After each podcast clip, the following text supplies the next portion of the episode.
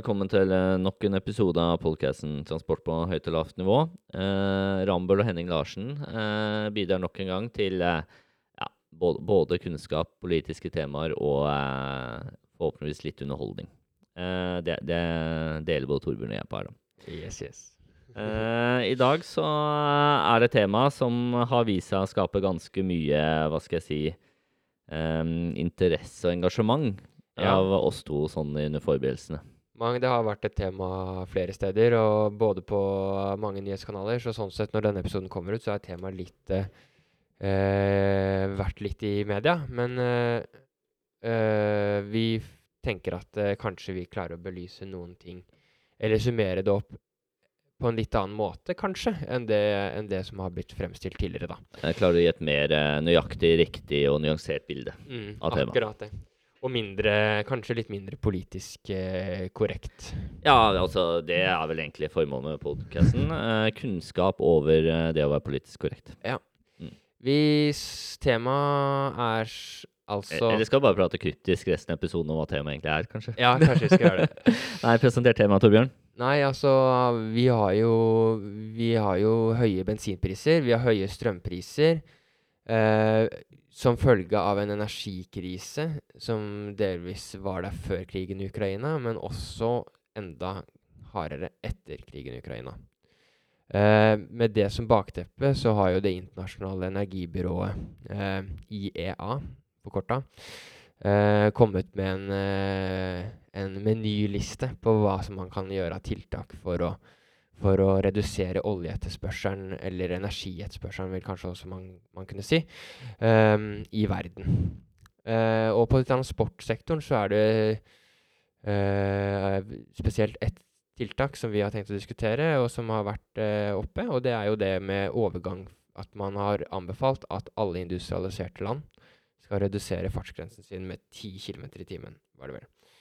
Uh, I Norge har debatten vært mye rundt uh, om man skal gå fra 110 til 90, f.eks. Mm. Eller debatten her og podkasten her er vel generelt en debatt om fordeler og ulemper ved å redusere hastigheten.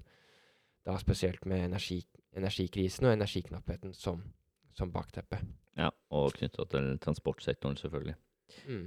Uh, og så er det jo greit å bare plassere dette inn i hva som egentlig var diskusjonen i vårt fagfelt for, uh, for, ikke veldig lenge siden, men noen måneder siden. Og det var jo egentlig snakk om 120 km i timen. At uh, man har diskutert om uh, hva skal til for å øke også maks mulig fartsgrense ved nye veier, og kanskje noen som bygges nå. Um, og tillate 120 km i timen der. hva er nytten av det? Hva skal til? og så plutselig kommer dette her, som er en slags motsigende ja. idé. Uh, generelt så kan vi jo si at uh, det å kjøre en bil, det, det, det gjør jo at uh, i, en viss fart det, Da må jo bilen hele tida overvinne en kraft for å flytte seg framover. Bevegelsesenergi. Ja. Og når, når motstandskraften til bilen øker jo da veldig i takt med hvor fort du velger å kjøre. Det merker man også når man sykler, for kanskje spesielt fort. Um, Luftmotstanden er jo den viktige parameteren eller kraftkomponenten som virker mot bilen når vi begynner å få høye hastigheter. Og er jo fra gamle fysikktimer og kanskje på ingeniørstudiet slik at dobler du farta, så firedobler du luftmotstanden. Så det vil si at uh, det bensinen din bruker mye Det som bilene bruker mye bensin eller strøm på når du kjører fort, blir stadig mer og mer å overvinne luftmotstanden mm. sammenligna med f.eks. motstand mellom dekk og asfalt. Ja. Uh, så derfor blir luftmotstanden stadig mer uh, sentral når vi kjører veldig fort. Og det gjør at energien du bruker per kilometer kjørt, uh, øker med høyere hastighet. Jeg har hørt argumenter eller noen kommentere i debatter at ja, men hvis du kjører saktere, så Uh, bruker du lengre tid på veien, og det krever mer energi at du kjører de over lengre tid. Men det er jo per kilometer ja. du må regne med, for en mm. reise er jo x antall kilometer, og vi ser på energibehovet per kilometer og ganger opp med antall kilometer. Mm. Um, så det er jo utgangspunktet, at energibehovet øker jo uh, ganske dramatisk etter hvert jo fortere du kjører. Det eneste som krever mer energi, også basert på tid, er jo også stereoanlegget ditt i bilen. Eh, men det dekkes jo av dynamoen i bilen òg, så det går jo rundt. Eh, ja, og aircondition og sånn også dekkes ja, ja. vel også av det? Er det riktig? Ja, altså den trenger vel strøm, den òg. Eh, men det går jo på en måte på dynamoen, da. Så du lader jo Du er jo din egen eh, generator når du ruller. Ja, nei, det er nok eh, kraften og hvor fort du skal klare å flytte deg, som er, eh, er den virkelig sentrale, sentrale, kostnadskomponenten i et energiregnskap da, på å transportere seg. Um, ja, deg, Daniel. En, en ting man kan si med luftmotstand, da, er jo det at eh, vi har jo både eh, biler som går på fossilt drivstoff og elbiler, men det er jo det her med luftmotstand det handler veldig mye om formen på bilen. da. Så det blir jo en viktig parameter uansett drivstoffkilde her, egentlig. Eh, en ny parameter som mm. plutselig blir veldig sentral knytta til hvor mye energi man bruker. Så det er viktig at bilprodusentene faktisk har noe å si her. Og, og jeg vil påstå, jeg mener jeg har hørt det, eh, at man har blitt mye bedre på det her, med aerodynamikk og sånne ting, de bilprodusentene. Ja. Eh, og så lærte jeg det når jeg studerte jeg eh, gikk på, på skolen og skulle bli ingeniør sjøl, at eh, den beste formen eh, knytta til luftmotstand er dråpa. Uh, så hvis man ser når det regner, så liksom vannet former seg automatisk i liksom beste, mest aerodynamiske form. Og det har man også gjort litt på brufundamenter. Uh, blant annet nok en gang er vi tilbake til Drammen. Uh, motorbrua i Drammen. Som han ene læreren min regna på. og han sa da han valgte dråpeform på fundamentene i vannet, fordi det var beste sånn aerodynamisk. Ja. En annen ting jeg også kan trekke om inn angående akkurat dette med luftmotstand, er jo at det er jo spesielt viktig når man tenker på om det er hensiktsmessig eller ikke å øke eller redusere fartsgrensa, er jo da på spesielt høye hastigheter. fordi det er jo da, da begynner luftmotstanden virkelig å bite. Da er vi oppe i et høyt nivå, og å redusere litt kan gi ganske dramatiske reduksjoner i luftmotstand, eller økninger, mm. uh, hvis man øker fartsgrensa. Og så husker jeg jo også det at det, altså, sånne tradisjonelle brenselsmotorer, uh, fossilbiler, de kan jo kanskje også ha en optimal hastighet sånn med tanke på forbrenninga, altså i bilen, mm. hvis du ser bort fra luftmotstand. Så Det er kanskje også et perspektiv å se på der. Jeg er ikke så kjent med hvordan det er i elbiler. Men, uh, men, det er i hvert fall også et perspektiv der, da. Men du uh, Ja. Men uh, luftmotstand er liksom Hva skal jeg si hoved, hovedargumentet der, da. Ja. Uh, og vi tenker jo nå, når vi prater nå, så sammenligner vi hovedsakelig 110 til 90 km i timen. Mm. Sånn 20 km forskjell. Og ja, i absolutt eller re reell ja. andel så blir det jo litt mindre enn 20 endring, da. Mm. Uh, skal vi ta en liten prøve å gå en liten runde gjennom fordeler og ulemper ved de ulike Ved, ved, ved, de, ved høyere eller lavere fartsgrense? Mm. Ja. Eh, du kan jo fyre rundt. Uh, ja, uh, hvis vi begynner med trafikanters uh, nytte, da, sånn som vi ofte ser på det. Du ofte ser på Ja, ja. Mm. ja, ja. Men det er jo reisetida. Ja. Og reisetida er jo gjerne prissatt en verdi, litt avhengig av hva slags reisehensikt du har igjen. Og disse tidsverdiene er jo gjort ut fra undersøkelser såkalte stated preference-studier, uten at jeg egentlig kjenner så mye mer til det. at Jeg vil ikke begi meg ut på å forklare hva det er. Veldig god kilde. Mm. Men, uh, men, eh, det er i hvert fall utgangspunktet. Og så må man jo da vurdere hva den besparte reisetida alternativt skal brukes på. da. Det syns jeg er viktig å ha med. Um, så, øh, men reisetida blir jo selvfølgelig høyere. Og da må man jo også vurdere hva den er verdt. Og når reisetida øker, så så, så, så, blir jo ulempene til trafikantene høyere sammenlignet med høyere fartsgrense. Um, vi regna jo kjapt på det. altså Kjører du i 110 versus 90, så bruker du Eller ved 90 versus 110, så bruker du 22% cirka mer, mer tid da, generelt på en reise. Så det kan jo være ganske mye for en personbil eh, med en knapp hverdag så er det en viktig parameter her, og det er jo det at eh, i hvert fall sånn som ting er i dag, så er det veldig få eh, reiser og veier da, som legger opp til at du kan kjøre 110 km så lenge uansett, på en måte. Ja, At det blir mange minutter i det totale bildet? Nei, mer motsatt. da, at eh, Hvis du skal kjøre fra et sted til en annen, da, mm. og det tar to timer i dag, da, mm. så er det kanskje 20 minutter av de du kjører 110. Mm. Så det er bare de det er snakk om å redusere til 90. Alle ja, det... de andre kjører du som du gjør i uansett.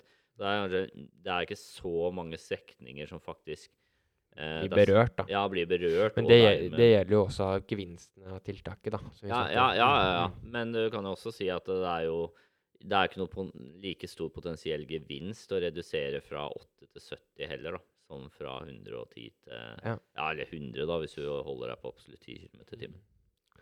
Ja. Så, men uh, generelt så er jo det en ulempe, da, at uh, bilistene bruker litt mer tid.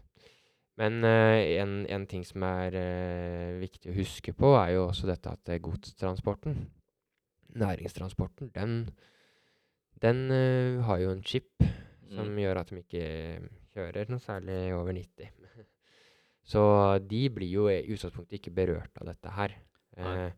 så fremt det er OK muligheter for forbikjøring enten hele tida eller uh, av og til. da. Ja. Og så er det jo noe med andelen godstrafikk kontra personbiltrafikk på veinettet. Jeg tror ikke mange vet hvor mye godstrafikk vi egentlig har i Norge. Det er ganske mye. Eh, nå er det kildehenvisning til en gjesteforeleser jeg hadde på Oslo OsloMet, Sarah Paul fra Sveko. Eh, hun sa det var 40% eh, tungtrafikkandel, all trafikk i Norge. Eh, og det er jo ganske betydelig mengde. da. Uh, så er det den 60% som er personbiltrafikk, og det er jo all personbiltrafikk igjen. Så hvor mye av de kjører vi egentlig 110 km i timen? Mm. Ja. Um, en annen ting uh, vi må huske litt på, er jo dette med Vi kan ta ulykker òg, da. Nå er jo ofte ulykker Fart er jo ofte relatert til ulykker, Daniel. Det stemmer vel? Men det um, bra. veiene som brukes når man får lov til å kjøre 110, er jo veldig gode, da. Ja. Så ja, så er ikke så mye ulike på dem, men uh, ja. Nei, altså Det spørs litt hva man sammenligner her. Hvis man snakker om en 110 km, altså de veiene som er 110 km i dag, da, og bare reduserer det til 90, så har det jo eh, tilnærma null effekt på antall ulykker. Fordi de veiene skjer ikke ulykker på uansett. Det er eh, midtdeler, det er alt går i én retning, det er kjempestiv kurvatur. Mens hvis man på en måte hadde bygd en tofeltsvei uten midtdeler, så ville det nok blitt ganske mye mer trafikkfarlig faktisk å ha den 90 km i timen. Ja. Så det handler nok mer om hvordan man bygger veien enn akkurat hastigheten i seg sjøl. Men ja. hvis man har en tofeltsvei, som vi ikke har i Norge, med 110 km i timen kontra 90, da er det jo plutselig kjempefarlig å kjøre 110 på den veien igjen. Fordi du kan ha møteulykker, da.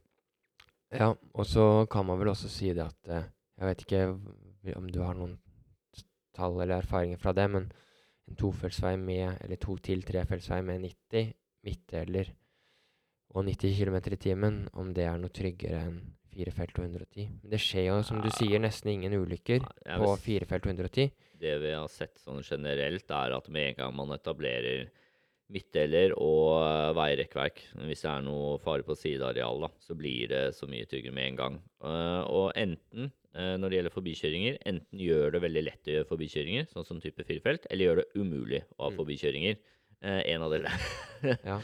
Men eh, det tiltaket her for, for, beslutning for Norge som land, så er det jo å redusere farten på de eksisterende veiene. da. Ja. Eh, med, ja, med høy fartsgrense. Og de, og de, har jo da ingen ulykker nesten fra før av. Av de aktuelle veiene vi snakker om her nå. Men jeg tenker jo at det vil jo også påvirke nybygga veier. At vi dimensjonerer de for en lavere hastighet. Ja. Hvis vi skal tenke langsiktig, da. Ja, ja, det, det er sant. Um, kan vi si noe om eh, kurvaturen på en måte på veien, om stivheten til geometrien? Veigeometrien i nye, når vi er inne på nye ja. mm. veier med, med, 90 versus 110. Er man, man, er vel mer fleksibel med hvor veien skal gå, og hvor ja. man kan legge den med 90? Det er klart at den uh, dimensjoneringskriteriene er annerledes uh, for de to hastighetene, og det er ganske mye å si. da. Så man uh, får mye mer muligheter til hvor man skal legge veien. det er jo en ting, så man kan unngå på en måte litt areal man vil unngå. Um, men, men også det blir jo fort litt billigere å bygge en ny vei på 90 km i timen dimensjonerende hastighet mm. kontra 110, men, men, selvfølgelig da får man jo det at man kan jo ikke da sette opp senere. Eh, har man dimensjonert for 90, så har man dimensjonert for 90, da. Ja. Eh, et halvt tid fremover. Ja, det er viktig å veie disse det er langsikt, hva som er langsiktig, og hva man mener med langsiktig. Ja. Hva, men, hva, ser man virkelig for seg lang, langt fram? Men en mulighet som vi kanskje burde brukt mer i Norge, er jo det at man eh, planlegger to faser på en ny vei. At man ja, nei, kanskje vi bygger en tofelt eller trefelts nå, men vi setter av areal til å mm. kunne gjøre om veien til firefelt om x antall år hvis vi ser behov, eller når vi ser behov, hvis det er en strekning vi forventer veldig stor trafikkvekst på. da. Ja, jeg tenker også litt på dette med fleksibilitet i kurvatur, at det kan være eh, noe å ta med seg når man skal vurdere hvilke arealer man ønsker å bygge ned òg. Mm. Altså er det f.eks. myrarealer du virkelig ønsker å unngå pga. Uh, uh, ja, rett og slett pga. Uh, uh, høye utslipp som følge av det. Ja, Eh, myr og sånt tenker du på? eller? Ja, Mm. Så, så vil jo da man kunne lettere omgå den, det området Ja, eh, med selvfølgelig. det antageligvis. Og spesielt hvis man også ikke bygger firefelt, men bygger trefelt, så er det jo mindre bredde, mindre sannsynlig for å treffe de myrene. Så det er, det er mange ringevirkninger her som også kan ha noe positivitet i seg. altså. Mm. Uh, bra. Dette med trafikkavvikling, har vi snakka om det? Nei, det har vi ikke snakka om. Uh, men, men det er litt sånn farlig å starte meg på det, da. Ja, hold deg kjapp, kjapt, kjapt og presist. Kjapt og presist, Daniel. Ja, det er skummelt. Uh, Vi har jo nei. snakka om det før, så det er Nei, jo vi for- har, jeg tror faktisk vi har lovt å ha en episode om trafikkstrømsteori, og så har vi på en måte egentlig liksom aldri laget Har vi ikke snakka om det? Jeg trodde vi hadde snakka om det. Var det bare i lunsjen, kanskje? Ja, det var masse av det skulle lage en sånn episode. Så Ja. vi må, jeg må få lov til å gå detaljert inn i det en gang. Ja da. Eh, men essensen er jo det at um, ja, trafikkavviklingen blir bedre med 90 km i timen uh, kontra 110, gitt alt likt da, eh, på knytta til veien, også antall kjørefelt og sånne ting. Og, og det er vel kanskje også viktig å si at det er under forutsetning om at det allerede er et kapasitetsproblem på den 110-veien Ja, man vurderer ja, å redusere, eh, eller det- det kan kan det være riktig Jo, å si? jo, jo, det er helt riktig å si. For det er knytta til uh, trafikkvolum. Mm. Du kan si det sånn at eh, det med økte fartsgrenser eh, bedrer ikke trafikkavviklingen eh, totalt sett, men det reduserer reisetiden for de enkelte trafikantene. Og det kan du gjøre når du har nok kapasitet til det. Altså nok avstand mellom bilene er, veien. det er et på luksusgode du tillater deg, kan du nesten si. det, ja, du kan si det sånn. For du kan si at uh, hvis du har 110 km i timen og reduserer til 90, og men du egentlig alle klarte fint å kjøre 110, ja, men da har du ikke noe trafikkavviklingsgevinst. Men hvis du har begynner å få kapasitetsproblemer, da, Mm. når også nok trafikk, da, at det begynner å stampe litt sånn kø, ikke stillestående kø, men bevegelig kø, i 110 km i timen, så hvis du setter ned, så kan trafikken plutselig flyte kjempefint igjen. Så hvis, Eh. så hvis, det er strek hvis Norge skulle prioritert da, hvilke strekninger de skulle redusert farta på, i tillegg av Ja. eksisterende veier, så burde de definitivt redusere farta på de 110 strekningene i Norge som allerede har trengselsproblemer. Så vi får den gevinsten med avviklings... ja. Eh, kapasitetsøkning Ja. eh, også. Absolutt. Du kan egentlig vurdere hvilke strekninger du bør sette ned. Enten tenke trafikksikkerhet eller tenke trafikkavvikling. Mm. Når du skal tenke trafikkavvikling, så er det nesten bare å se der hvor det er mest trafikkvolum. Eh, altså flest biler. Men der vil du også, hvis du setter ned der, så får du også mest eh, miljøgevinst. da. Altså energibesparelse, fordi det er flere biler som reduserer hastigheten. Det er et godt poeng. Hvis ikke de allerede knebles da, til farta fordi det er avvikling. Ja, ja men, da Men- bedrer du begge deler. På. Ja. Mm. Men um, ja, Uh, veldig bra. Det var, Eh, det, nå var jeg kort. da ja, det var flink. ganske bra. Nå, bra. Det var, vi trenger ikke mer enn to minutter. Jeg tenker mer enn deg, Daniel. Det er nok nå. Det er nok nå. Eh, det var eh, en ting også jeg hadde i hodet, men uh, Ja, det var sikk- glapp litt. Det glapp litt. Ja, det skjer av og til, det, da. Um, men en annen ting som du poengterte, i hvert fall før episoden, og som kanskje er det som glapp, det er jo det knytta med nye transportformer og utvikling i transportsektoren, knytta til at vi, Ja. vi er prøver å være innovative, da. Eh, og de nye ja, måten vi mennesker er innovative i transportsektoren, krever jo gjerne energi i det òg. Ja, jeg bare, jeg bare mener å um, Det jeg hadde litt i bakhodet, det var at uh, mange av um, innovasjonene som skjer, er jo veldig bra på mange måter. Det, det gir jo gjerne brukerne av de en bedre eller lettere hverdag, hvis man kan si det sånn. Eh, noe av det går kanskje på bekostning av helsa. Eh, jeg tenker litt på dette med elsparkesykler nå, da. Eh, på en måte så er jo veldig mye av disse tingene her som er grønn, eh, grønne transportformer, kan du si, eller miljøvennlige transportformer i form av at det, ikke, at det i hvert fall er eh, eh, lite vekt du flytter på i tillegg til deg selv. En Mm. bil er jo tung, så den krever mye energi å flytte på i tillegg til deg selv. Men ehm, det kommer litt an på hvor den elsparkesyklisten eh, hva den reiste med tidligere. Ja. Eh, eh, gikk den fra en bil til elsparkesykkel, eller gikk den fra å sykle eller gå til en elsparkesykkel, eller gikk den fra kollektiv til elsparkesykkel? Mm. Jeg tror også det er mange turer som går på elsparkesykkel nå, som tidligere sykla, gikk også. Eller tok bussen eller kollektiv. Eh, kanskje noen biler òg. Men, men, det er veldig vanskelig å si noe om. Men jeg syns i hvert fall man skal ha det i baktankene at alle disse innovasjonene også krever energi. Du, du frakter deg selv med, med strøm. Um, og det er også en uh, energikostnad, selv om det sikkert er eh, kanskje relativt lite i det store bildet. Men det, det, hadde vært interessant å vite hvor mye alle disse tingene egentlig gir. Og det er bare å ha det i mente når man driver og diskuterer store energikriser og mangel på energi. Så er det også litt et paradoks at man stadig kommer med innovasjoner som også krever mer energi, og endrer atferden vår fra noe vi, som krevde mindre energi før. Mm. Um, ja. Absolutt. Um, og da har vi vært gjennom ganske mye ja, pros og cons uh, og nyanser ja. i dette her. Uh, har du en slags oppsummerende konklusjon, eller, Torbjørn? Nei, det, det, er jo ikke lett å, å, si det. Vi kan jo prøve å komme med en konklusjon hvis vi får lov til å regne på endringen fra 110 til 90, f.eks. Mm. Uh, hvor mye reduseres uh, nytten etter trafikanter som følge av det. Uh, vi kan se på hvor mye energibesparelse får vi som følge av det, og sånt. og kanskje vi kan også si noe om hva, hvor høy må energikostnaden være for at det skal lønne seg. Mm. Altså hvor, hvor, mye må klimakostnadene ligge på for å slippe ut et, et, en, en CO2-mengde. Uh, eller, eh, eller hvor mye må strømprisen eller bensinprisen ligge på for at det skal være lønnsomt for samfunnet å redusere?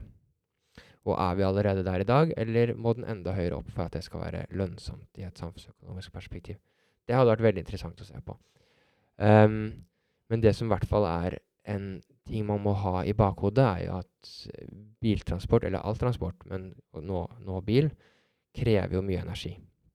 Du, du, frakter jo deg selv på kanskje eh, meg på 90, 90 pluss kilo eh, med en bil, og veier, som veier et tonn, kanskje. Mm. Så du frakter 100, 1100 kilo ca. Eh, hvis du kjører bil, mens med en sykkel f.eks. så frakter du bare 105 kilo. Eh, så det er jo en energi, energikrevende måte å transportere seg på, sånn med tanke på vekta du flytter på. Um, og uavhengig av om en bil eller alle transportmidler går på strøm eller på fossilt drivstoff, så er det en, et stort energibehov som kreves fra det. Og uh, så hvis man reduserer energibehovet, eh, i, eller øker energibehovet òg, for den saks skyld, med, med, bil, så setter man også krav til, i hvert fall hvis man skal klare å holde transporten ren, så setter man krav til at investeringer i grønn energi må også bli høyere enn det alternativt ville blitt. Eh, man må altså bygge ut flere vindkraftanlegg eller vannkraftanlegg eller andre ting som kan ta høyde for denne veksten i energibehovet. Eller, eller motsatt reduksjon i energibehovet, så kan man investere i mindre grønn energi for å, fordi man minsker etterspørselen etter energi. Mm. Um, og hvis man uh, ikke bygger ut, så, men likevel øker etterspørselen etter energi som skal gå til elbiler, så går det da antageligvis på bekostning av en omstil grønn omstilling i en annen sektor i verden. Så med det som bakhode så må man i hvert fall tenke at man må være bevisst på energiforbruket sitt. Hva, hvor viktig det er å Uh, hvor lønnsomt eller ei det er å gjøre disse grepene, det er, eh, det er, ikke opp til meg å svare på nå, men vi får ta en analyse av det hvis noen vil. Så kan vi prøve å komme fram til et svar. Det er min oppsummering. Uh, og med det så takker vi for at du som uh, lytter og lytter til episoden. vi utfordrer deg til å komme på nye ideer og vurdere dette her selv. Ha en strålende dag.